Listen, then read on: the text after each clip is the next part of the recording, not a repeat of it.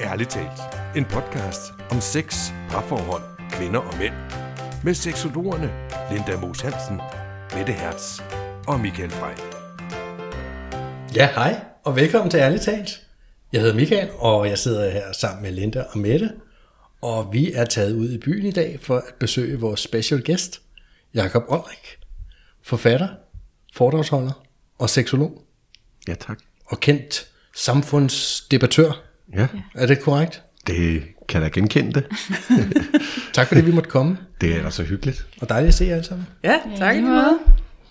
Og vi er jo taget herud på Christianshavn i dag, for at tale lidt om kropsforskrækkelse. Mm-hmm. Ah, der er en krop. Ja. Eller, eller hvad er det, det drejer sig om? Ja, hvad er kropsforskrækkelse? Er det ja. det? Ja, det, det, tænker jeg, det var vel et meget godt sted at starte. Så ved jeg ikke, vi har, er det, skal vi kalde dig ekspert i, øh, i kroppen? Ja. Ekspert i kroppen. altså, jeg, jeg vil sige, alle 7 milliarder mennesker på jorden har vel et udgangspunkt for at være ekspert. Fordi vi er jo i en krop, ikke? Ja. Altså dybest set er vi jo bare mennesker i en krop i en verden. Og, øh, og det gør det jo selvfølgelig meget enkelt i virkeligheden. Trods at vi gør det så kompliceret ja. at være den her krop, så, øh, så er det jo sådan set det eneste, vi er. Ja. Og absolut intet andet. Nej. Er Og nu, så, nu bliver jeg sådan, nu får jeg lyst til at tage Ja, ja, det er op over. helt- Jeg Du, står blev, og du mærker- lignede en, ja, der ja. var helt filosofisk. Jamen, jeg blev sådan, jeg er jo en sjæl i dette læme, og dette læme er alt, hvad jeg har til at bære mig rundt i verden, og den kan jeg få alle de her fede oplevelser med, og det skal jeg da bare gøre. Ja. Og kroppen er fed lige meget, hvordan den ser ud. Altså ikke fed, men uh, nice. Fed på tak. den fede måde. Tak, Ja. ja. krop. Du er den, der gør det muligt, at jeg kan sanse og mærke og være i verden. Mm. Ja, det blev jeg bare lige nødt. Den, den tog Ja. jeg lige. Ja, men Ja. det, er også, det var også sådan lidt en filosofisk tilgang til det, ikke? Altså, ja. øh, fordi vi jo, altså vi opfatter jo tit os selv som noget, vi er. Ikke? Altså det her æret er sådan en idé om noget, vi, vi, ja, vi er. En, en identitet, noget vi påklæder os, noget vi tager på på en eller anden måde. Øh, jeg er jo så en mand, men hvad gør mig til en mand? Hvad er det, der er øh, øh, for mig af en mandekrop? Jamen det kunne jo være, at jeg så har taget noget mandetøj på, eller bruger min krop på en maskulin mandeagtig måde. Altså der er en masse forestillinger om, hvor, og hvordan den krop skal bevæge sig. Altså for eksempel kan man sige, Dan Danmark har vi jo ikke sådan en udpræget øh, mandekropskultur. Det tror jeg mange kvinder kender til, når de står på fredag aften øh, på Dansu Disco øh, og synes, det kunne være så dejligt, hvis der var en, der bød dem op. Men der kommer ikke nogen krop og byder dem op, fordi sådan er man ikke mandekrop i Danmark. Nej. Hvorimod, hvis man nu havde været i Brasilien eller på Cuba eller andre steder, så havde mandekroppen jo været en bevægelig, flydende størrelse, der kunne have rytmiske bevægelser ude på dansegulvet.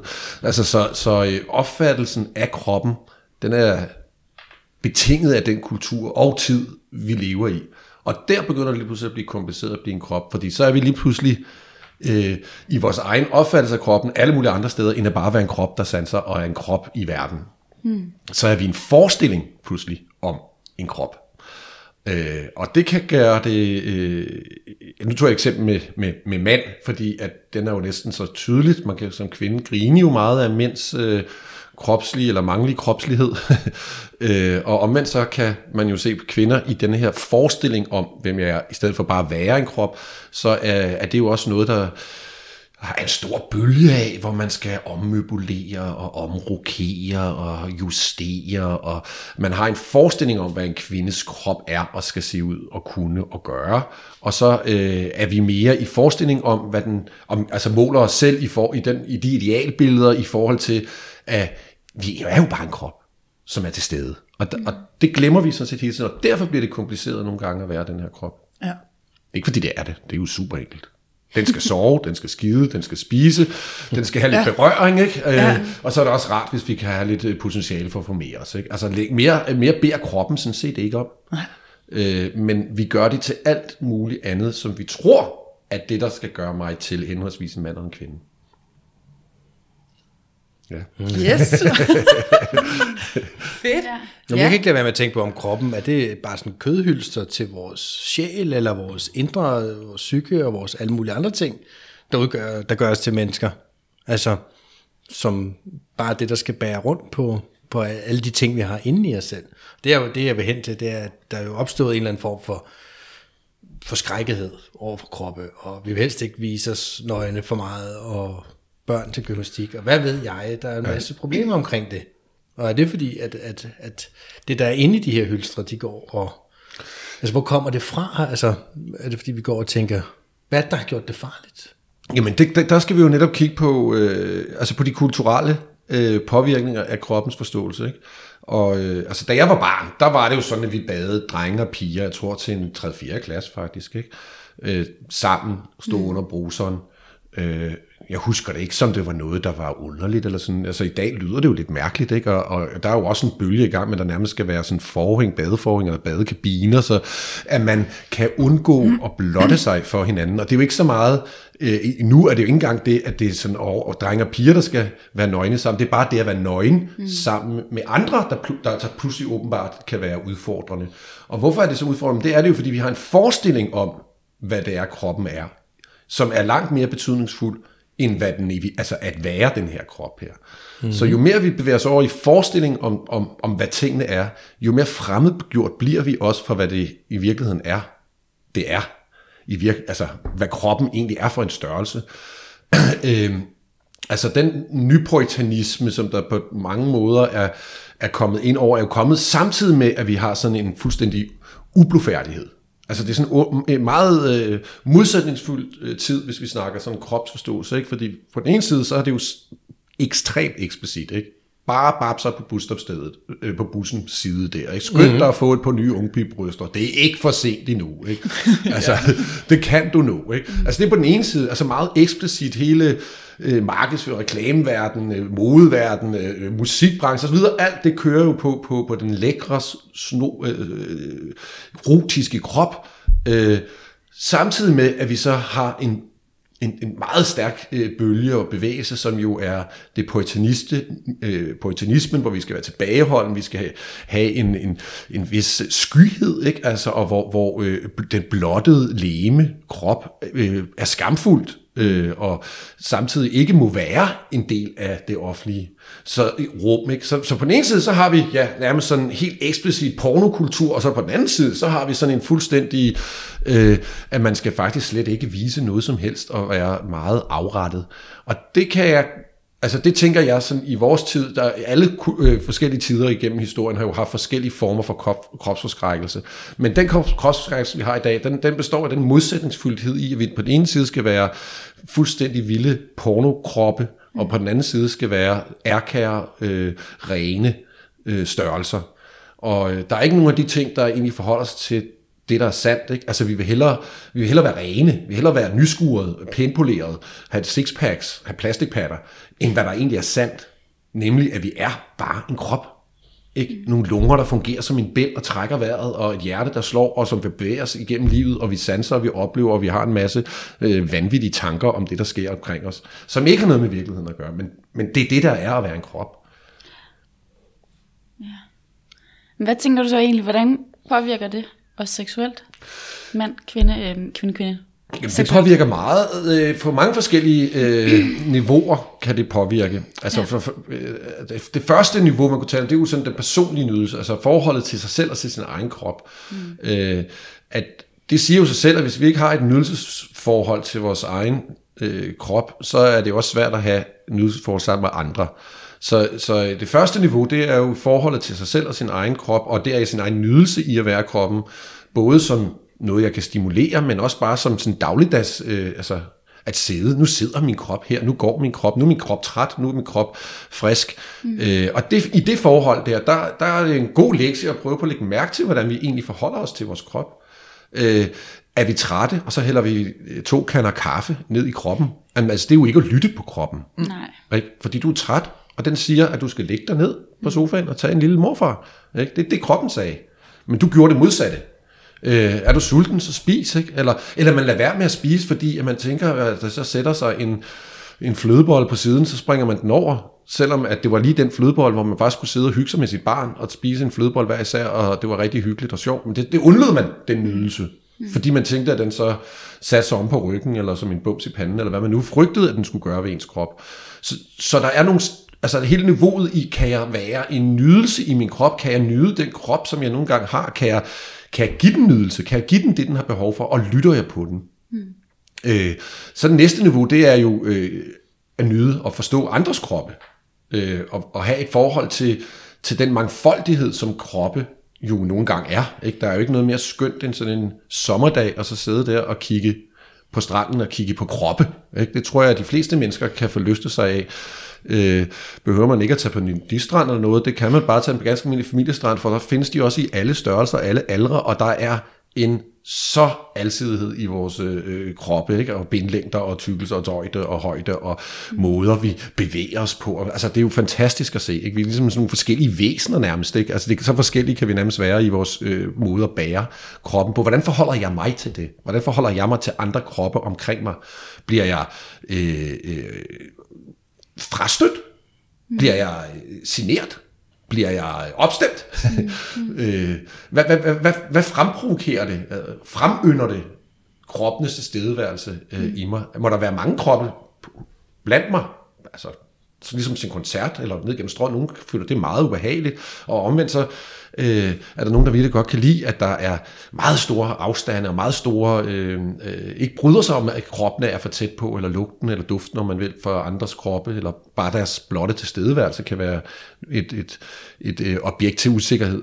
Så der er et forhold, der hedder andres kroppe, der er et forhold, der hedder vores egen krop, og så er der et tredje niveau, som man kan tale om den mere kollektive øh, forståelse af kroppene. Altså, mm. vi kunne tale om vores kultur her, ikke? eller vores samfund og vores kollektive normer, som jo så også påvirker de andre niveauer. Så det er noget med at arbejde med kroppens forståelse i, i, i, de, i de tre forskellige niveauer. Vi kan sikkert også godt komme nogle endnu større niveauer på, altså øh, kroppen i forhold til det åndelige eller til det guddommelige niveau. Altså hvad, hvad er det i sådan en sammenhæng, eller hvad er kroppen i forhold til død, ikke? og så videre. Altså vi kan godt komme nogle endnu større abstraktioner på det, men de tre første niveauer her, det er i hvert fald øh, nogen, som vi alle bliver konfronteret med hele tiden, mm. hver eneste dag, hvor de andre måske er lidt mere nogle specielle situationer. Ikke? Ja. Er du selv tilfreds med din egen krop? Jeg er, ja, det er jeg. Er, jeg er virkelig, virkelig glad for, at jeg har en krop, der er velfungerende. Øh, jeg vil sige, at øh, jeg spurgte pas bedre på den. Altså, fordi nu er jeg jo 47, og det er sådan en, hvor man kroppen jo ikke på den måde, dens funktionalitet og så videre, ikke er en selvfølgelighed. Jeg kan da lige mm. ryge en cigaret og motionere måske lidt for lidt og så videre. Altså der er noget her, hvor jeg burde pleje den lidt mere og være lidt mere øh, øm og omsorgsfuld over for den, og måske stadigvæk tror lidt, at min egen lille bias er 25 stadigvæk, og det, det, det, det er jeg jo ikke. Altså, der, og det kan jeg jo også godt mærke. Det er jo en af de ting, man kan mærke med kroppen igennem alderen, ikke? Altså, øh, ting heler for eksempel langsommere, ikke? Et sår, det tager lidt længere tid, ikke? Altså, eller tømmermænd, den tror jeg alle kender, ikke? Altså, ja. da man var 20, kunne man jo vågne, selvom man havde drukket hele natten, af djævelens ild, ikke? så kunne man jo vågne, og så var faktisk være klar igen. Ikke? Altså, hvor nu så tager det jo øh, to måneder, før man er på holdkant igen. Ikke? Altså. så, ja, så, ja, det er rigtigt. Så, så kroppens, øh, så forholdet, altså det der i, i niveau 1, ikke? og eget forhold til kroppen, det er jo også noget, der, der øh, ændrer sig igennem livet. Vi får forskellige øh, forhold og måder, vi oplever vores, vores krop på. Ikke? Altså, der er jo stor forskel på at være 10 år i en krop, og så være 80 år i en krop. Altså, mm. det er to meget forskellige kropsoplevelser øh, eller endnu mindre, hvor, hvor kroppen jo bliver sådan, når vi er helt små, ikke? Altså, hvor vi, skal, vi oplever jo verden gennem kroppen, ikke? Altså, vi sanser alt, vi skal komme lidt jord i munden, ikke? Altså, grund til, at vi ved, hvordan vi så siger, hvordan smager græs, så ved vi alle sammen godt, hvordan det smager. Mm. Men så spørger jeg, hvornår har I sidst smagt det? Ikke? Så kan I jo ikke kunne sige det. Nej. Men det er fordi, det gjorde I, da I var to-tre år gamle og lå på græsplænen, så sad jeg smagt eller smagt noget jord, eller smagt et eller andet, så gar lort. Ikke? Altså, vi ved mm. godt, hvordan tingene smager. Ja. Og det gør vi jo, fordi vi har sanset det på vores krop, og den lærer, og, og en kæmpe forståelse af det liv og verden, vi, vi lever i. Og det ændres jo gennem livet. Altså når man så er i, i midten af livet, så har vi ikke brug for at smage på græs og jord. Sådan noget. For det gjorde det ved babyer. Ikke? Mm. Men nu har vi brug for at opleve kroppen på nogle nye og anderledes måder. Øh, og, det føl, altså, og det er jo her, at man kan sige, krop for skrækkelse, det er jo en af de ting, der kan komme ind, det er jo, når vi ikke følger med den udvikling. Altså hvis man for eksempel er 50 år og stadig prøver på at øh, lege 20 år, mm. om det er så min egen historie med tøvermænd, eller om det så er noget udseendsmæssigt, hvor man prøver på at, at og, og forynge sig selv, altså, så er det jo noget, hvor man ikke rigtig følger med øh, sin, sin, sin øh, kropsalder, fordi den har jo på en eller anden måde, det er jo næsten, det er næsten lige før, det er det eneste sted, vi sådan virkelig oplever alderen, det er jo i kroppen, ikke? Mm. Jeg, tror, jeg, jeg, tror, jeg tror næsten alle mennesker kender det, det med, man sådan, gud, er jeg nu blevet, er jeg nu blevet 50 år? det er sjovt, jeg føler mig kun som 25 indeni. Ikke? Og, det, og det, det er vi jo, fordi dybest set, så er vi jo mentalt, øh, groft sagt, gået i stå på et eller andet tidspunkt, og så har vi egentlig den sætter, altså sådan grundopfattelse af livet, den, den ligger ligesom, øh, og derfor oplever vi jo vores indre liv ikke som noget, der har alder. Altså det er der jo ingen mennesker, der gør. Altså min mor, der er snart er 80, ikke? Altså, hun er stadig en, en lille pige på 17, den måde hun taler på og er på, og hendes måde at kodisere og være i, i sin krop på. Ja. Men hendes krop, den ligner der en på hendes alder. Så, så kroppen er jo også den, der fortæller os i den grad, hvor vi er i livet. Både mm. med, hvad den kan af funktionalitet, men også af udseende, og også i måden at, at nyde kroppen på. Ikke? Det, der før skulle gå hurtigt, kan lige pludselig være dejligt. Det går langsomt og har omvendt. Ja. Altså jeg har bare oplevet, der er blevet længere ned til fødderne. Ja, for eksempel. Ikke? Man bliver mere stiv. Ikke? Det er jo, End der var. altså, det er, jo, det, er jo, det er jo en af de ting, der... Altså, øh, altså en beskrivelse af døden, det er jo stivheden. Ikke? Altså, jo, altså, og det kan man jo sige, for, for en baby er jo ekstremt øh, fleksibel og smidig. De, kan tage der, de ligger jo bare, så kan de jo bare selv tage deres ben, øh, fødderne helt op til ørerne og sådan slik på deres og sådan noget. Ja, der er jo ingen af os, der kan, men altså, det vil vi jo simpelthen ikke kunne. Ikke? Og øh, en på 80 kan jo, ja, kan jo ikke engang bukke sig fremover, hvis det gjorde, så knækker ryggen. Ikke? Altså, vi, vi, bliver mere og mere stive, og det er jo sådan set det, der er sådan lidt malerisk sagt, det er døden, der sætter sig i os på den måde i kroppen, og bliver sådan en, øh, øh, øh, øh, øh ja, hvor vi bliver... ja, så var der altså, lige at knække ryggen. Ja, ja, jamen, jamen, altså, det, det er jo sådan grundprincippet i, i, i, yoga, sådan set. Det er jo det her, hvor man strækker, man, man, man, man kan også sige, man presser døden ud, man presser, strækker det ud, så man får en fleksibilitet, så, så, så den der stivhed, og, og øh, den bliver... Øh, den, den, den, den bliver skubbet væk, eller sådan holdt nede i hvert fald på en måde. Ikke? Og det, så det er jo, altså det kan man sige, det er jo det forhold, der ligger, hvis man skal tale om krop og død, det, det ligger jo i den her, i, i, i stivheden af den, ikke? og jo, jo mere stiv, ikke bare i kroppen, men vi også bliver mentalt, og vi måske også pludselig bliver følelsesmæssigt, og så er det jo, at vi nærmer os øh, øh, livets ende. Mm. Ja, så det er jo mere noget med fleksibilitet, hvis man vil forøges og så videre, så er det langt mere noget med at have et fleksibelt læme, et fleksibelt sind, en, øh, holde sin krop fleksibel, end det handler om at, at, at se ung ud. Fordi det, det kommer alligevel ikke til at hjælpe på den stivhed der, som, mm. vi, øh, som, som ligger som sådan en uundgåelig ting, at før eller siden, så bliver vi stiv som en pind. Ja. Jeg har faktisk også læst rigtig, rigtig mange steder, det der med at se ung ud, hvordan man skal se ud. Gravide er også bange for at blive tykke. Eller, altså det, det skal man jo blive. Ja. Men bange for, at også at de bliver ødelagt, når de skal føde. Så de, mange vil faktisk have kejsersnit for ikke, Ja. og ikke at ville have sex. Ja. Sådan nogle ting. Det er jo Ja. også lidt forfærdeligt, for det er jo det, kroppen er altså, lavet til. Ja, ja der, der, der, der er lidt en, en, en, en, en modbølge med det, at det er ja. Ja. smartere med kejsersnit og så videre. Altså, altså, altså, hvis der skulle sidde nogen derude i den situation, kan jeg, vil jeg bare lige gerne sige, at det er noget frygteligt vrøvl. Altså, det, det, altså selve skeden er jo et, øh, et, et meget fleksibel muskel, ikke? Altså, den kan, som sagt, rumme rimelig meget, og den kan øh, øh, skrumpe ind og være nærmest ingenting. Altså, til, til, så tværtimod faktisk, så har kvinder, som har født, mm. en langt større øh, fleksibilitet i deres skede, end kvinder, der ikke har. Mm. Så det er faktisk lige omvendt. Ja. Men det er lidt spændende, at det er sådan, at... Jeg tænkte faktisk lidt... Ja, nu, du, hvad, hvad, tror, hvordan skal jeg spørge om det her? Jo, altså er det, er det kvinder, der gør sig til for kvinder, eller gør vi det for mænd, og omvendt med mænd? Altså, hvad er dine tanker om det? Forstår du, hvad jeg mener, hvor jeg vil ja, hen med det? Ja, altså øh, øh, hovedsageligt så øh, gør mænd jo så ikke rigtigt, gør vi jo også ikke rigtigt til, og det tror jeg er til stor ærgelse for mange kvinder, der kommer, kommer på en date, og så har de siddet og brugt, øh, de har forberedt sig i tre dage, ikke? Mm. Altså, de har øh, hængt kjolen op, og så har de valgt den anden, og så skulle de stryge den, og så fandt de ud af, at den var måske lidt for blomstret, og den anden der var lidt for nedringet, og så blev det en tredje en, og så videre, ikke? Ja. Øh, og taget billeder og sendt til veninden, og kan jeg tillade det, og sådan, nej, du skal, ej, du skal være lidt frækkere, eller du skal, ej, det er for meget, og sådan, altså, der, der, er jo, der er jo en proces, ikke? Altså, det er jo, er du sindssyg? Ja, ja. Det er, det, det er virkelig et arbejde for en kvinde, det her, ikke? øh, og hvor så møder hun op, og så sidder der sådan en mand til sammenlignet, sådan helt tjuske sjasket der, med lidt morgenhår lidt babygyld på skulderen eller et eller andet, ikke? Altså, øh, hvor han jo på den måde, i hvert fald ikke på det område, øh, udmærker sig som en, der gør sig til. øh, og det ligger jo igen, det er jo igen nogle kulturbestemte øh, ting, mm. vi kan sagtens finde andre kulturer, hvor det ikke forholder sig sådan. Vi kan også godt finde andre øh, historiske nedslag, hvor det, hvor det heller ikke er på, øh, hvor, det, hvor det er nærmest er omvendt, ikke? Øh, og hvor manden har været et, et, et pynteobjekt, ikke? eller har været noget, der også skulle sådan gøre sig til på forskellige måder. Øh, og øh, altså man kan jo sige, groft sagt, så har vi jo altså den her, den her altså den krops tøjkultur, vi snakker om, altså nu er det jo mere tøj, vi lige ryger over i der, der, der er jo sket meget efter 2. verdenskrig, ikke? Altså, hvor, hvor kvinder jo øh, på den måde blev en del af den ellers mandsdominerede verden. Ikke? Hun fik bukser på, ikke? hun fik øh, plads på arbejdsmarkedet osv. Og, øh, og det skabte jo en, en, en sådan en, øh, øh, at vi brød den der idé om meget skarpt opdelt kønstøj. Ikke? Mm. Altså, så, øh, så, så på den måde, så, så kan man sige, at kvinder har et større register, ikke? fordi i man kan selvfølgelig godt tage en kjole på som mand, ikke? men du skiller dig gevaldigt ud. Ikke? Altså, så vi ja, bare taler sådan i nogenlunde mm. normativ forståelse af det, så, så kan man sige, så har kvinden ret til mandens tøj, men ikke omvendt. Mm. Mm. Øh, ja. altså, der, der er ikke en bevægelighed den vej.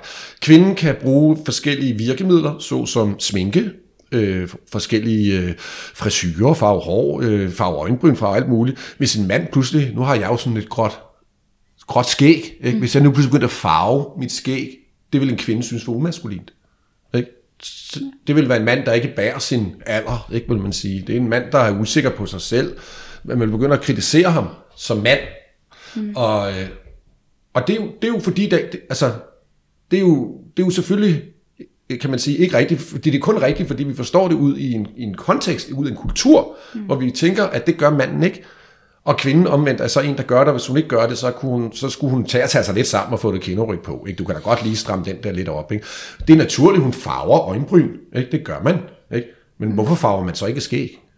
Kvinden barberer sig, hvorfor gør man? Altså videre. Altså der er jo en masse ting, som vi ikke rigtig tager stilling til, altså personligt tager stilling til, fordi de ligger bare som nogle normer, nogle kultur, vi, vi følger.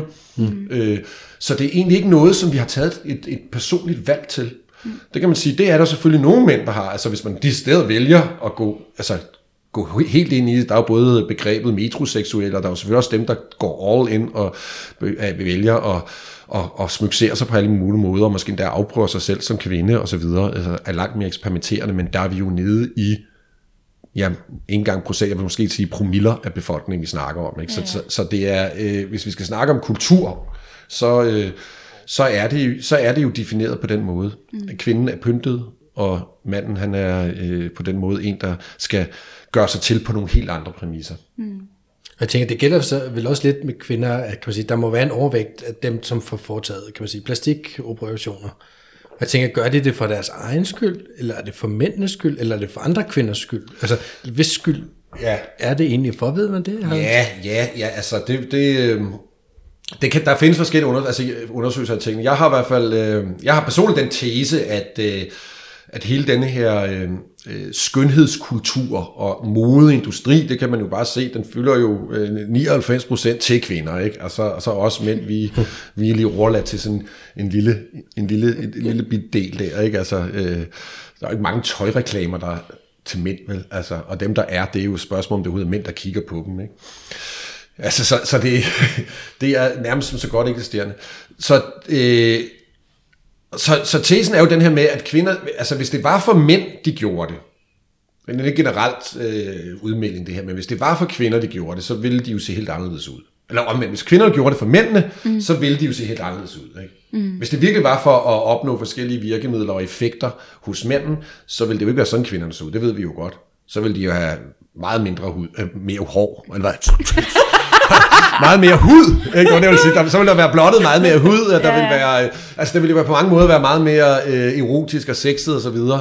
Ja. Øh, hvor kvinder, de tænker det på en anden måde, de tænker det jo mere som en, en, en, øh, en, et forhold i forhold til andre kvinder. Altså hvor de jo både gerne vil være noget, der er beundringsværdigt, egen flot kjole, du har der, ej, hvor er du fin, men samtidig må det ikke være noget, der skiller sig så meget ud, at, at du lige pludselig i andre kvinders øjne bliver en slot. Ej, det er så sjovt, du siger ja. det. Jeg har lige prøvet det, hvor jeg var ude og købe tøj, hvor min kæreste var med. Ja. Og der havde jeg nemlig fundet en kjole, hvor jeg tænkte, den var også god, og den var heller ikke for, viste ikke for meget, og den sad pænt og sådan, den var okay. Og så tager han den anden, hvor at den går helt herned, og han og sidder helt tæt, og han er da sådan, det er da den der, du skal have. Og jeg er sådan, nej, den ikke for meget, og det kan jeg da.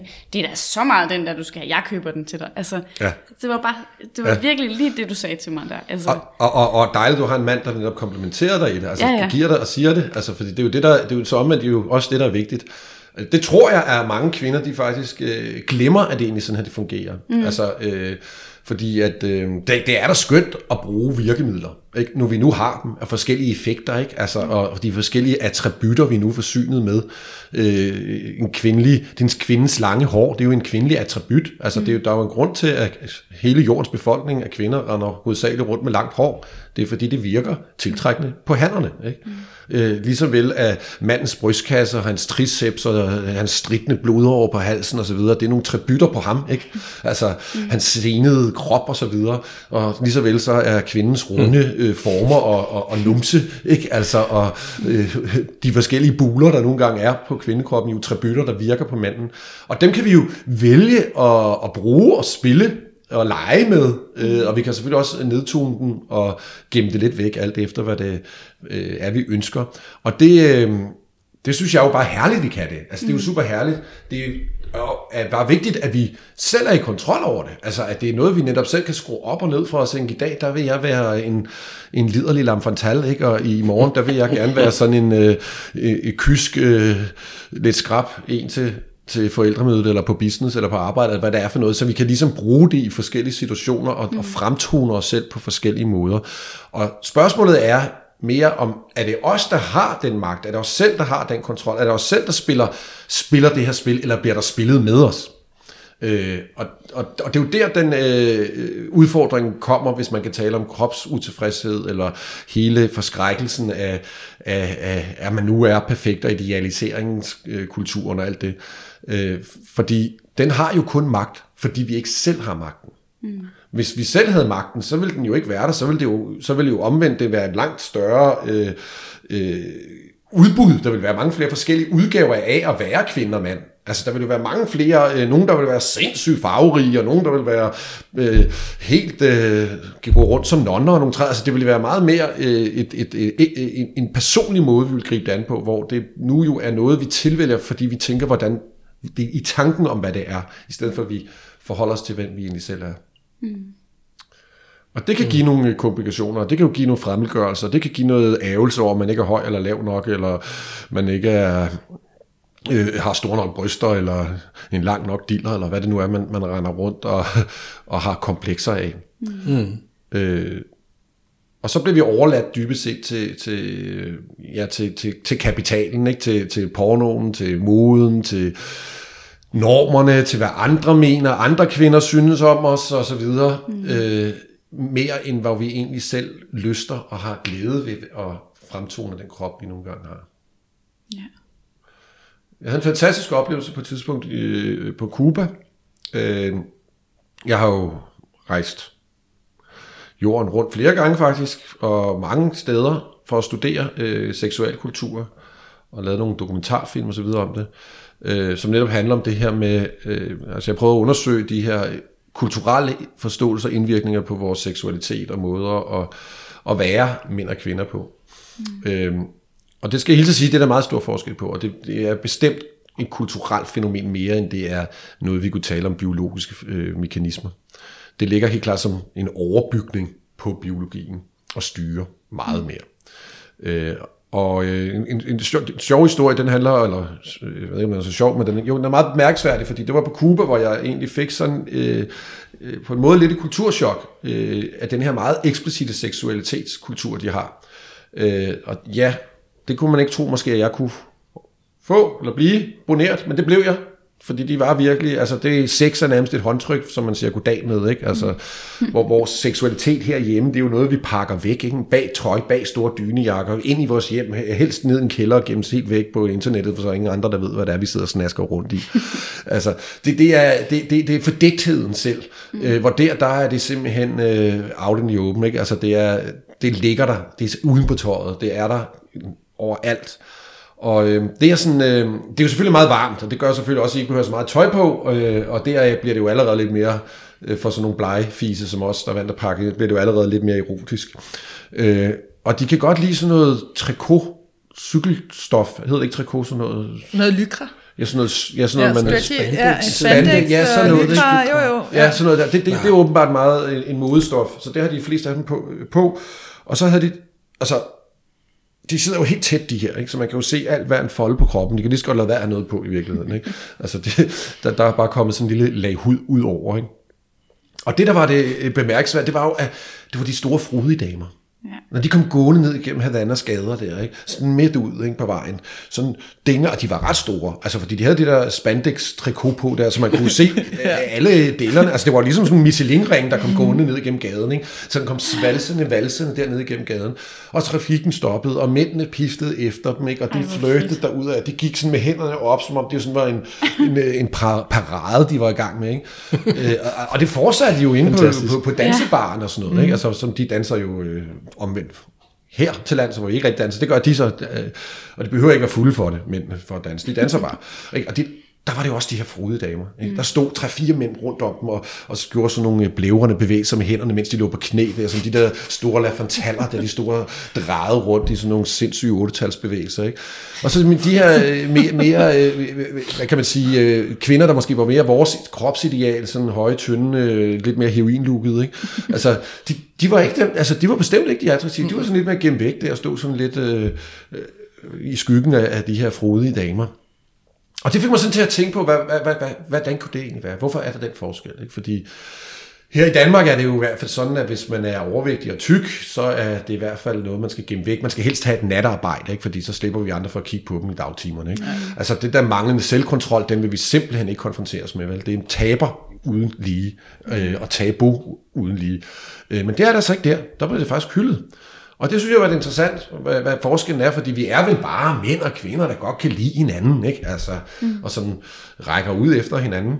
Øh, så hvorfor var det på Cuba de frodige damer, og når det så var noget, der bliver forskammet herhjemme? Og øh, jeg kom frem til, at det handlede simpelthen om, at de reklamer er ulovlige. Ikke? Altså, de har jo ikke reklamer på Cuba. Der findes ikke nogen busser, busser med smarte ungpigebryster, du kan nå at få skiftet ud. Der er ikke damebladet, der hele tiden skal idealisere, hvordan en kvinde skal være og se ud. Øh, der findes simpelthen ikke den øh, beauty-industri, og hele øh, modebranchen, den er simpelthen ulovlig, det findes ikke. Så øh, de har ikke de spejlbilleder. De har ikke de øh, øh, ting at måle sig selv op efter. De har kun de idealer, de faktisk selv skaber. Mm. Og derfor har de en lille boblekultur, kan man sige, rent seksuelt, hvor de har, har, hvor der er vokset noget andet frem, som jo, man kan sige, rent sådan antropologbrillen på, er jo super interessant at opleve, at, at denne her kvindelighed, den her kvinde, som der på mange måder er gjort til en skam herhjemme, faktisk bliver hyldet i et fri, altså en kultur, der er fri for, for kommersiel markedsføring reklamer. Mm. Øh, hvad var det sexede i dem? Jamen det var det jo, at de, de var erotisk væsen. De var en krop, som de elskede. Mm. Man kunne se de kvinder, de elskede hver eneste Michelin-ring og delle. Og De ejede det bare. de ejede det bare, ikke? og den måde, det gik på, der var sådan en langsom måde, og den måde, de kunne ryste det hele på, ikke? Og, så det blævrede derude af. Ikke? Altså, det var jo fantastisk. Ja. Og ja, det var faktisk erotisk, det var faktisk lækkert. Jeg forstår ja. godt de der med, altså det var, det, det, havde en, det havde en helt sådan særlig karisma over sig, som jeg aldrig har set en dansk kvinde. Ingen engang en, der levede op til, øh, til sportsidealerne herhjemme, vel? Altså, mm. øh, den måde at bære sig på som kvinde var, var, var en, en gave for mig at opleve, fordi at den bevidnede det her med, at, at det handler om måden, at jeg er til stede i min krop på, mm. mere end ideen om, hvad min krop er. Øh, og mere ideen om, at jeg lever op til noget, eller efterlever en idé om, hvad det skal være, så er jeg det, jeg gør det, og jeg kan mærke det, og jeg elsker det, og den kan bevæge sig, og kan I se her, hvordan den kan shake den her røv her. Ikke? Mm. øh, så det tror jeg betyder meget for vores krops, altså det, her, at vi glemmer faktisk, hvor meget det har i al vores øh, frustration og forvirring og over, over vores krop, øh, enten udulighed eller uformodenhed, eller at vi kan være bange for, at vi mister den gloria, vores krop har lige nu, at det er fordi vi dybest set ikke har frigjort os fra den øh, konstruktion, som der er omkring os. Den kultur, som i virkeligheden øh, fortæller os, hvordan vi skal være kroppe. Og frigjort os, så vi kunne forholde os til os krop, som det, den nu er, og det menneske, vi er. Ja. Ja. Ej, men jeg tænker også meget, altså sådan, hvis vi går langt tilbage, altså er, kan der, er der en sammenhæng mellem, kan man sige, hvad man tilbeder af kropsidealer, og så kan man sige, hvad normen har været. Altså nu, nu tænker jeg bare på nede i, i de varme lande. Ja. Der er det jo meget normalt ikke at have så meget tøj på. Og der er man måske mere vant til at se kroppe uden så meget tøj på. Og så har, hvis vi går tilbage til, da menneskerne begyndte at bevæge sig op igennem Europa, og hvad ved jeg, så nåede de til Norden og har bare piskold. Ja. Og der har vi haft meget tøj på altid. Altså sådan, og så tænker jeg bare, kunne det være en eller anden naturlig forklaring på, hvorfor der, man i nogle lande er lidt mere til store frodige kvinder, fordi dem er de måske bare der. Hvor heroppe, hvor det, der har været ved nogle små øh, frosne pinde, som ikke har haft for meget fedt, fordi der er skide koldt, og nå, men du ved, altså, Ja. så der, det er vel ikke så mærkeligt at forestille sig, at der er dukket nogle idealer op igennem tiden. Der er fordi det er helt- sådan, det har været. Jamen, der er helt sikkert øh, altså miljø og, og øh, altså, hvad hedder det, øh, naturens miljø, temperatur og så videre. Sådan nogle ting spiller selvfølgelig også meget ind på vores forhold øh, til kroppe. Det er klart, at hvis man er Eskimo, så har man, øh, så er kroppen, den skal pakkes ind, du skal, ikke, altså ellers dør du, og omvendt er du andre steder, så, så kan det, nøgenheden være lidt mere øh, eksplicit. Mm. Øh, det, det er klart, det har, det har nogle betydninger. Øh, og lige så vel som religiøse øh, Ja, også dem. øh, Ja. forskellige religiøse kulturer osv. jo også haft en, en kæmpe øh, indflydelse. Altså fra vi... Øh, at kroppen jo sådan set er, altså hvor vi bevæger sådan et sted fra, hvor kroppen er sådan et, er sådan et pinsels, pinselstempel, ikke? Altså det er sådan et lidelsestempel, vi render rundt med igennem livet, som vi måske kan blive forbarmet, hvis vi ellers opfylder og er pligtige over for den store herre, ikke? så kan det være, at vi kan blive forbarmet og få lov at komme i, i paradis. Ikke? Men ellers så skal det være lidelse indtil da. Ikke? Altså man har også brugt kroppen som et afstraffens, altså det er jo et afstraffende element, men det er jo en måde også at udøve samfundskontrol og samfundsmagt på. Ikke? Altså lige fra ja, den gamle synlige magt med kongerne, som der, hvis de skulle straffe nogen, så skulle det jo helst være sådan til, til skue for alle, ikke? at man satte hovederne på sådan et pælspyd, ikke? Sådan det, ikke? eller de skulle Ja, ja, hænge på et eller andet, og i tre dage skulle de hænge der, mens gribene sad og spiste dem, eller korsfæstelse osv. Altså det er jo meget synligt gøre, at vi påfører denne krop smerte, fordi den ikke har opført sig ordentligt, og derad så manifesterer vi vores magt. Ikke? Altså, så kroppen har jo på den måde også været mm. altså et objekt for, for, for magtudøvelse. Øh, den form for krop eller magt, den har vi jo ikke mere i dag, fordi at øh, øh, magten er forsvundet fra kroppen. Ikke? Altså, den er, den er ikke kropslig. Vi kan ikke se den. Hvor er magten? Den er ingen steder, vel? Vi ved ikke rigtigt, hvor den er. Den er faktisk usynlig. Så den har gjort noget, den har sket noget andet med kroppen og magten. Det er, at den er blevet indlejet i os selv. Ikke? Vi, vi går ikke over for rødt lys. Hvorfor gør vi ikke det? Det gør vi ikke, fordi at vi tænker, tænk hvis der er nogen, der så det. Vi kan ikke vide, om der er nogen, der gør det. Men bare tanken, om der er nogen, der ser det, gør, at vi ikke gør det. At vi faktisk lige pludselig har vores, lige pludselig fået indlejret den magt inde i os. Vores egen lille politibetjent, vores egen lille retssal, hvor vi kan dømme og straffe os selv og uddele øh, øh, straf og belønninger. Øh, vi behøver slet ikke at have sådan en stor autoritær magt, fordi vi har indlejret den i hver eneste menneske, som render rundt nu og skal være pinset Pilatus over for sig selv og sin krop. Mm-hmm. Så, så det er ting, der bliver lejret ind, både kulturelt, magtmæssigt, selvfølgelig også naturens miljø, altså temperatur osv., der, der er årsager til den måde, vi har et forhold øh, Øh, til kroppen på. Kroppens kønsforståelse, jamen, altså den patriarkatets patriarkalets gamle øh, forståelse af kvindens krop jo som en, et, et bidrag til samfundsborger ved, at hun kan føde, og så ellers derimellem, så skulle hun sådan set bare være en tjenestepige og et serviceorgan for manden. Ikke? Sådan har det jo fungeret, øh, ja, mere eller mindre indtil nu. Det har der jo så været nogle, nogle, nogle, nogle, nogle, nogle grunde til, øh, men det er en pludselig en grund, der ikke rigtig har legitimin mere. Altså det, Ja. det, det, det, det, sådan kan det ikke, det kan vi ikke rigtig øh, sige mere. Faktisk er det lettere at undvære mændene, end det vil være at undvære kvinderne. Ikke? Altså det er faktisk lige omvendt nu. Ikke? Altså, så, så det giver også en ny forståelse af kroppen og magten i kroppen, øh, øh, at, at, at det bevæger sig på den måde. Hvad skal vi egentlig bruge, hvis det er rigtig grove, hvad skal vi egentlig bruge mandens krop til? Ikke? Altså, Robotterne, de kan gøre det meget hurtigere og stærkere og mere præcist end hans muskler, så dem har vi ikke brug for. Vi har opfået en gravko, ikke? så vi har ikke brug for øh, mænd til at stå og skovle. Øh, øh, øh, hans sæd, mm. den, øh, ja, altså bare din alene, din sædproduktion, det kunne befolke resten af verden i næste 100 år. Ikke? Altså, det, det kan være, at vi mangler lidt, øh, lidt Jo, alsidighed kan også i det, men, altså, men, men dybest set, så, så, så, så, så, har det, så har manden jo slet ikke en, øh, en kropslig magt mere. Altså, den, den, rigtigt, den eksisterer ikke, den, den kropslige magt. Øh, hvorimod kvinden har en kæmpe kropslig magt lige pludselig. Ikke? Og hun har en kropslig magt over, øh, over manden, fordi at det dybest set er hans sidste evigt tilstræbende alter kvindens skød, for at sige det som det er. Ikke? At han må have det skide stød ind i skødet. Ikke? Altså han, han skal simpelthen bare have det, fordi hvis jeg ikke har det som mand i en eller anden omfang, så føler jeg mig faktisk ikke funktionelt dygtig som, eller øh, lykket som mand, så er jeg, så er jeg jo helt misforståelse. Ikke? Mm. Øh, Ej, så vil jeg altså bare gerne lige sige noget til, til, til manden, for det er næsten helt... Altså, jeg elsker da at se min mand stå og arbejde med at lave et eller andet derhjemme, eller det kunne jeg da ikke undvære. Det er da ikke nok bare med mig, så det, det er ikke helt rigtigt. nej, det er ikke, det, det er ikke Så rigtigt. forfærdeligt. men jeg ved så- godt, hvad du jamen, siger. jamen, Jeg sådan forstår er- godt, så- hvordan du mener det, Jacob, men... Sådan er det, øh, det er fuldstændig rigtigt, men altså grund til at ta- jeg taler på den måde, det er mere for, for, for at tegne den her, altså Ja. at, at der er en, en, altså kroppen er ikke bare en krop, vi tænker, Nej. det, vi tænker måske bare det som min krop, men, men ordet, at vi mennesker er flokdyr, det skal forstås på mange abstraktioner, mange måder.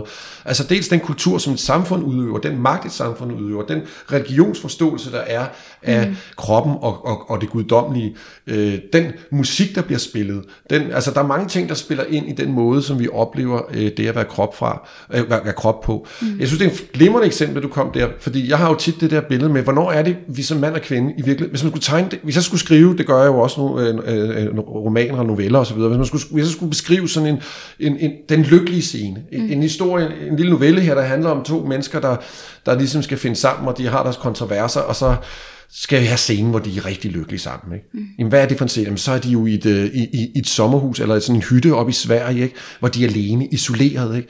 Det er, der er ikke noget el i den der, så de skal fyre op med, med brænde, og det er vinter, mm. og hun står der i køkkenet og bager boller, ikke? og hun ælter dejen, ikke? og han står, hun kan se ud igennem vinduet i frost, de der små frostrim, der er, så kan hun se, så står manden derude, ikke? og han står og flækker med en kæmpe økse, og ned i, i de der træ, ikke? og de splindreste side, og hun ælter i dejen, ikke?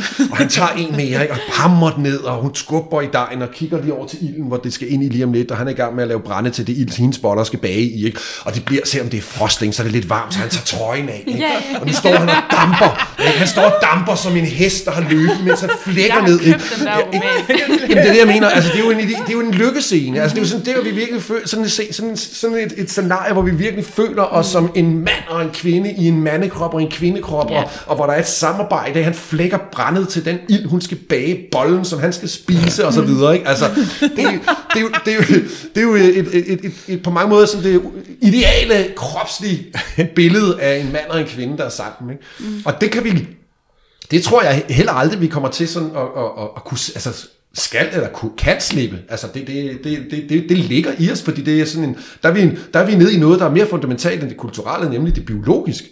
At det, at det er simpelthen nogle biologiske mekanismer, der, der faktisk tager, tager fat i os der. Mm. Det giver så meget me, det er meningsfuldheden, ikke? At man står der og ælter de der boller der, og så lige kæler lidt måske ovenikøbet sådan en gravid mave, hvis den også lidt så bare, det hele er ga- hun sætter det over til, det kan gære, og det kan hæve. Og sådan. Altså, det er en meningsfuldhed, der kommer, Ja. som er meget simpel, men er meget kropslig, ja. meget sanselig. Øh, og, og der, øh, altså, øh, mit budskab i den her retning, det vil jo være, at det er der, vi skal hen. Det er jo, det, det er jo der, vi oplever at være en krop, der gør noget. Mm. Ikke? I modsætning til, at vi så sidder på Tinder og sidder og kigger på, på hinanden som nogle, øh, som nogle tjenester, der bliver reddet ned fra et eller andet Bilka tilbudskatalog, ikke?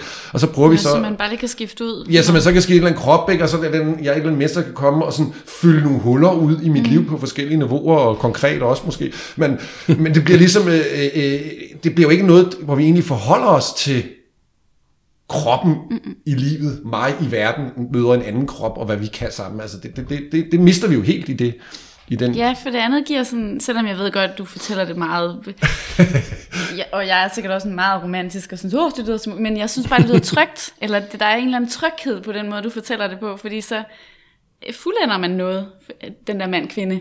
Altså, det behøver heller ikke at være en mand og en kvinde, det er ikke sådan, jeg mener, men, men det der, to mennesker kan give hinanden det, mm. den der, mm. det synes jeg bare lyder helt vildt smukt. Men det er det Og dejligt. og, og det Og supplement, man kan være som krop. Ikke? Det, er jo, Ja. det er jo det, der er det fede ved at danse. Ikke? Med en god dans, som står med en dansbar, så det der, hvor man lige pludselig, så, så er man bare nærmest sådan en krop, ikke? Altså, sådan, Ja. man lige pludselig sådan en lunge, der trækker vejret sammen, ikke? Man sådan, altså den der synkronitet, der ligesom kan være i kroppen, det er jo en fantastisk oplevelse. Mm. Det er jo faktisk en, jeg vil måske påstå, det nærmeste er, øh, der vi oplever lykke.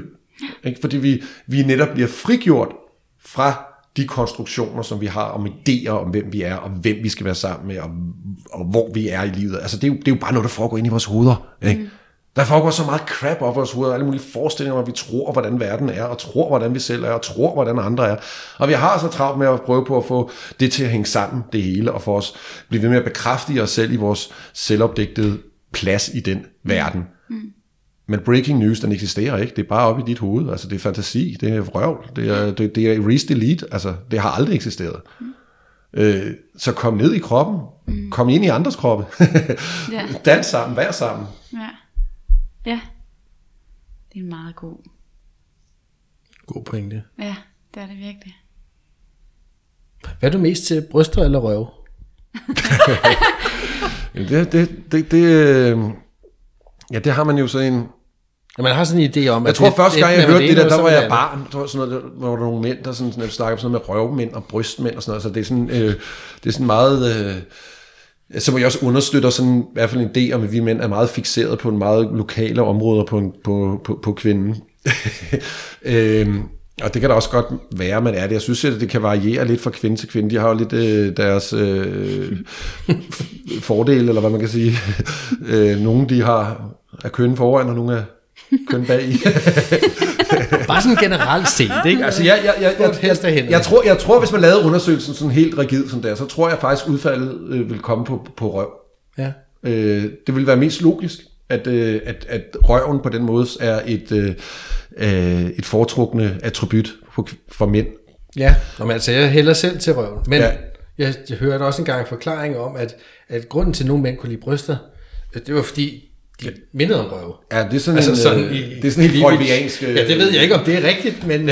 Nej, men, øh, så jeg tænkte, nå ja, så måske virkelig alle. Nej, det ved jeg ikke. Ja, det, det, synes bare, det var det, sjovt. det, det, De tror jeg, det tror jeg ikke, at man skal ligge så, så meget i, men det er jo helt, altså man kan sige, der ligger jo, øh, der ligger jo det, at altså, røven er jo mere interessant på den måde, at brystet jo øh, selvfølgelig er en eugen zone for kvinden, og, og som sagt også en attribut, men de fås jo i mange, mange størrelser, og for det meste kan vi jo ikke se dem. Altså nu sidder der jo to smukke, dejlige kvinder her, jeg kan jo ikke se jeres bryst, altså jeg er jo ikke, det er jo ikke noget, jeg kan, for- jeg forholder mig, jeg kan jo ikke forholde mig til dem, vel? De, er jo, de, de er jo væk, ikke? Altså, De er inde bag sådan noget, øh, sådan noget, hvad hedder det, sådan noget. Ja, noget- det er ja. jo ikke engang en rigtig bryst, det her. Det er, Nej, Så er hvis I lige smider trøjerne, Pia, Altså- så kan vi... Nå, nej, men det, det, dels har man jo så et, et, sådan en brystholder, eller hvad Ja, der hedder er sådan en pH. brystholder, der Ja. ligesom holder det hele op. Ja, Det der holder det ikke, og så den har jo også noget skum, og den har, og så er den Ja, jern ja. rundt der, og så er der noget tøj ud over. Altså, altså den er jo meget, det er meget, meget, der er en brynje omkring, det er pakket ind, hvor Mm. røven, ja, uanset, øh, er uanset hvad, ikke, så, så, så, så strider den jo, den kommer jo ud af, af cowboybuksen, den kommer jo rundt om kjolen, og, som også syder lidt ind og fremhed, så, så røven er jo meget mere i, i fokus, altså den er Mm. meget mere en, som, som man møder på, på gader og stræder, der møder vi øh, den røv, ikke? Altså det gør vi jo ikke med, ja, øh, specielt ikke i Danmark, der så også en dynjakke udover, ikke? Altså nu er brysterne jo fuldstændig øh, væk, altså så, så, så det ville jo måske være noget andet, hvis man øh, var i en mere nøgen kultur, så kan det godt være, at brysterne ville få lidt mere, øh, lidt mere betydning. Ja. Øh, jeg tror, at kvinder selv har et, et, et meget, meget... Øh, øh, altså, det, det, det, det er en stor del af kvindens egen identitet, selvopfattelse ligger meget i brysterne. Altså, det oplever man jo specielt med, med kræftkvinder, er flere kvinder, der får lavet bryster, end der får lavet Ja, bagdel. for eksempel. Og det er jo også fordi, det er jo det, de kigger på. Ikke? Det, når de kigger i spejlet, så er det jo det, de står. De kigger De ser det selv. Det når det, de de ser på deres røv, så er det jo altid fra siden, sådan lidt om, den ser pæn ud, så kigger de, ikke? Altså, de, de ved jo faktisk ikke Nej, de ser den jo ikke. de ved jo ikke, hvordan deres røv i virkeligheden er. Ikke? Og specielt ikke, når man sidder, altså der, hvor vi mænd gerne vil se en kvinderøv, det er, når man tager en bagfra. Ikke? Og hvorfor? Fordi så får man jo hele røven, og den bliver rigtig bred og rigtig stor. Ikke? Den bliver kæmpe, det bliver sådan en, ikke? og man har den helt for sig selv, ikke? og hun ligger med hovedet den anden vej, kan slet ikke kigge, øh, se ens ansigt, mens man ligger der og laver sådan nogle fuldstændig, den her røv, den er ikke lækker. Øh, ikke? Altså, man kan virkelig få lov til at få den røv for sig selv. Ikke? Altså, og, og, hvornår har du brysterne på den måde? Det vil du aldrig komme til at få, vel? fordi så vil hun måske synes, det var lidt mærkeligt, hvis du lige pludselig begynder at lave sådan et øh, djævelsk øh, ansigtsudtryk til, øh, til brystet. Ikke? Altså, og det er også meget mere øh, en, en følsom ting. Altså, der er jo faktisk, altså, det er jo jeg det er meget interessant, fordi der er, jo, der, der, der er jo lidt en misforståelse, hvis man skal, skal tale om sådan regioner i forhold til køn, altså kropsregioner i forhold til køn, det, det, det vil jeg mene, man godt kan dele, dele lidt op, uden at det skal være sådan noget med, at, at kønnet patentiserer de her områder. Mm. Så er øh, brystet jo mandens. Altså det er, her, jeg, det er her, jeg bruger i kodisering til at forføre kvinden. Jeg, en mand, der skal, øh, hvis du skal gøre dig til for en kvinde, så vil du altid lige puste brystkassen sådan lidt frem, ikke? Eller hvis der lige går sådan en lækker dame forbi, så gør man lige sådan... Jeg kan jo nok bruge flere kræfter på at hive maven ind. Men, Ja, ja, man hiver maven det ind. giver lidt det... Ja, man hiver maven ind, og skubber den op i brystkassen, ikke? Altså, jeg kan, man kan jo meget hurtigt som mand få en meget stor brystkasse, ikke? Altså, det, det, det kan man jo ikke. Altså, hvor man lige laver sådan en, man, man, man skubber op her, man, man presser brystkassen frem mod. Ja. kvinden, ikke? Mm. Øh, og, og, og det, det kan jeg jo se, sådan, det er måske nogle af de lidt forvirringer, der er i vores, øh, vores tid. Ikke? Altså, det er der mange kvinder lige pludselig tror, at, at brystet på den måde er, er, er, er kvindens øh, kropsdel til manden. Ikke? Altså, hvor hun ligesom skubber brystet frem og bruger altså den her... Øh, og det, det er helt forkert, fordi kvindens bryst er super sensitivt, meget følsomt sted. Det, det er lige ved hjertet, det er, det, er brystvorterne hele tiden meget, meget... For nogle kvinder kan da få øh, orgasme på brystvorterne ved at blive stimuleret der. Så, så sensitivt kan de faktisk være. Mm. Så det er et meget, meget følelsesområde. Det er tværtimod noget, som der sådan skal passes lidt på hos kvinden. Så jeg forstår godt, man bruger alle de der brynjer og brystholder og hvad det ellers hedder, ikke? brystbeholder. Øh, altså, altså, det forstår jeg godt, fordi det er et meget sensitivt sted. Altså, tilsvarende kunne man godt nogle gange bruge som en klunkebeskytter. Ikke? Altså, øh, Hvorimod røven, røven på kvinden er jo en, der kan tage imod. Ikke? Altså, den er, det er en stor nålpude, ikke? Man, kan, man, kan, man kan prikke i, man kan klaske i, man kan slå i, man kan, man kan bide i, man kan, man kan, oh, ikke? Man kan forme og ælte. Altså, den har, den har en helt anden øh, øh, slagkraft, og den har en helt anden, den kan tage imod noget. Ikke? Ja. Øh, øh, og det, Derfor så har den jo, øh, er det jo også kvinde, altså kvinde, hvis, hun skal, hvis man ligesom skal bruge kropsregioner til, til, til fløt, jamen så er mandens, det er brystkassen, det er overpartiet, og kvinden, det er det her med at skubbe sin numse, ikke?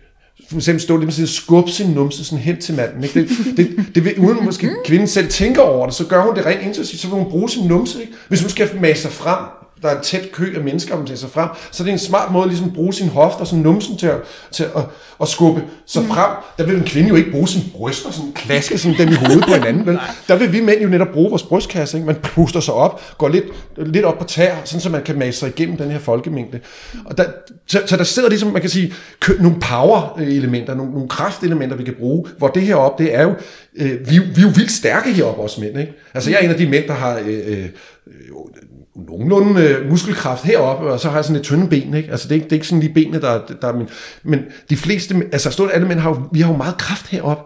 Og så kan vi være heldige at forsynet med muskler den anden dernede. Vi kan tage armbøjninger, vi kan hæve os op i armen. Vi har, vi har jo virkelig styrke her. Omvendt så har kvinder jo hele partiet, underpartiet, røven, hofterne, er jo exceptionelt stærke hos kvinden. Og loven og benene, hele det der, det er jo virkelig, virkelig stærkt. Ikke? Jeg ved ikke, om du har prøvet at ligge mellem øh, en kvindes ben, som der så låser dig fast. Du kan simpelthen ikke komme ud. Altså, Noget, har jeg prøvet. Altså, det, det kan du ikke. Altså, det, det er, hun, er, hun er knaldhammerende stærk der. Og, øh, så så, det, så det, er jo, det er jo en kropsdel, der ligesom er man kan sige, hvis man har sådan en power-område af kroppen, mm. så, så er det helt klart at røven, der er øh, power-delen hos kvinden, og brystkassen, der er det øh, hos manden. Og der føler jeg mig også lige henført tilbage til biologien, ikke? omkring at det, det har også været det, der var meningen. At de skulle kunne, mænd skulle kunne bære nogle træstammer og nogle forskellige ting, og kvinderne, ja, de skulle kunne Ja, de skulle kunne føde. føde og gøre de ting dernede. Altså, ja. Mm. Ja, og så har den jo, altså den, den, den har jo sådan en kaldende effekt, ikke? fordi den øh, kvinderøv øh, er så volumøs, i hvert fald i forhold til, til, til de typiske manderøver, ikke? Altså, så er den jo sådan meget volumøs, og det, og, og det er jo mange kvinder, altså det er jo lidt sjovt at blande den op, ikke? fordi det, en af de der kropsidealer, man er sådan, ej, nu har jeg en stor røv, nu har jeg en, altså, det er sådan, man hører tit kvinder, ej, nu får jeg en stor, nu er jeg over 40, nu får jeg en stor røv, sådan We love it. ikke? Altså, altså jo mere fedt, og jo mere dele der er, jo mere der bævrer, jo mere der kan klaskes i, jo mere man kan tage fat i, jo bedre. Altså, det er jo, det er jo, øh, det er jo netop de forskelligheder i vores kroppe, der er øh, øh, interessant. Ikke? Altså en, øh, øh, en kvinde, der var bredere om skuldrene end mig. Altså, hvis vi isoleret ser det som kroppe, der vil, det vil være svært øh, for min hypo, hypofyse at ligesom blive aktiveret. Mm. Fordi hun vil, hun vil repræsentere noget, altså det vil, det vil være svært, der kan godt være, at det kunne lade sig gøre på nogle, på nogle andre ting, men det vil være svært. Øh, ligesom en mand, der måske havde en, øh, en tre gange så stor røv som en kvinde, altså det vil hun have svært ved at tænde på. Mm. Ikke? Altså der, der, der er nogle ting, der, der ligesom på den måde er nogle, hieroglyffer, altså sådan nogle hieroglyffer, der ryger ind i hjernen og ind i hypofysen og bare slår som en, en klokke på os, ikke? altså en stempelhjerner, det, som vi ikke rigtig kan, kan se os fri fra, mm. i hvert fald så længe vi har en, en, et seksuelt drive. Mm. Ja. Så i den her scene, så må spørgsmålet være, så er jeg, så er jeg en, ikke bare en røvmand, men en røvnarkoman. Røvnarkoman? ja. Jeg er røvafhængig. Men det kan jo se, det er også forskelligt i verden, hvad for nogle røve, der tilbedes. Altså hvis vi går tilbage til Sydamerika og så videre, der skal det da helst være sådan nogle store latino ja. røve. Ja. Hvor vi, her kan jeg da sagtens finde mange venner, som, som måske har en anden mening, at sådan, det er måske lidt mere petit, petit nupse. Eller det kan være i Frankrig, ikke? Altså, det, at der er den holdning, at ja. det skal helst være en lille pariserøv. Det er vel der, hvor Ja, men skal du også huske Pariserøven, det skal man huske. Det, der kender sig af Pariserøven, det er jo bare, at den er smal, men den har en bu. Men en den, bu, Ja. den, den er stadig en roundie, den er stadig en boble. Altså, det er jo ikke en smal en, og så øh, flad. Nej, Det er jo- dem, det dem er jo kender jeg ikke nogen, der synes om. Det er jo en beskrivelse af en manderøv.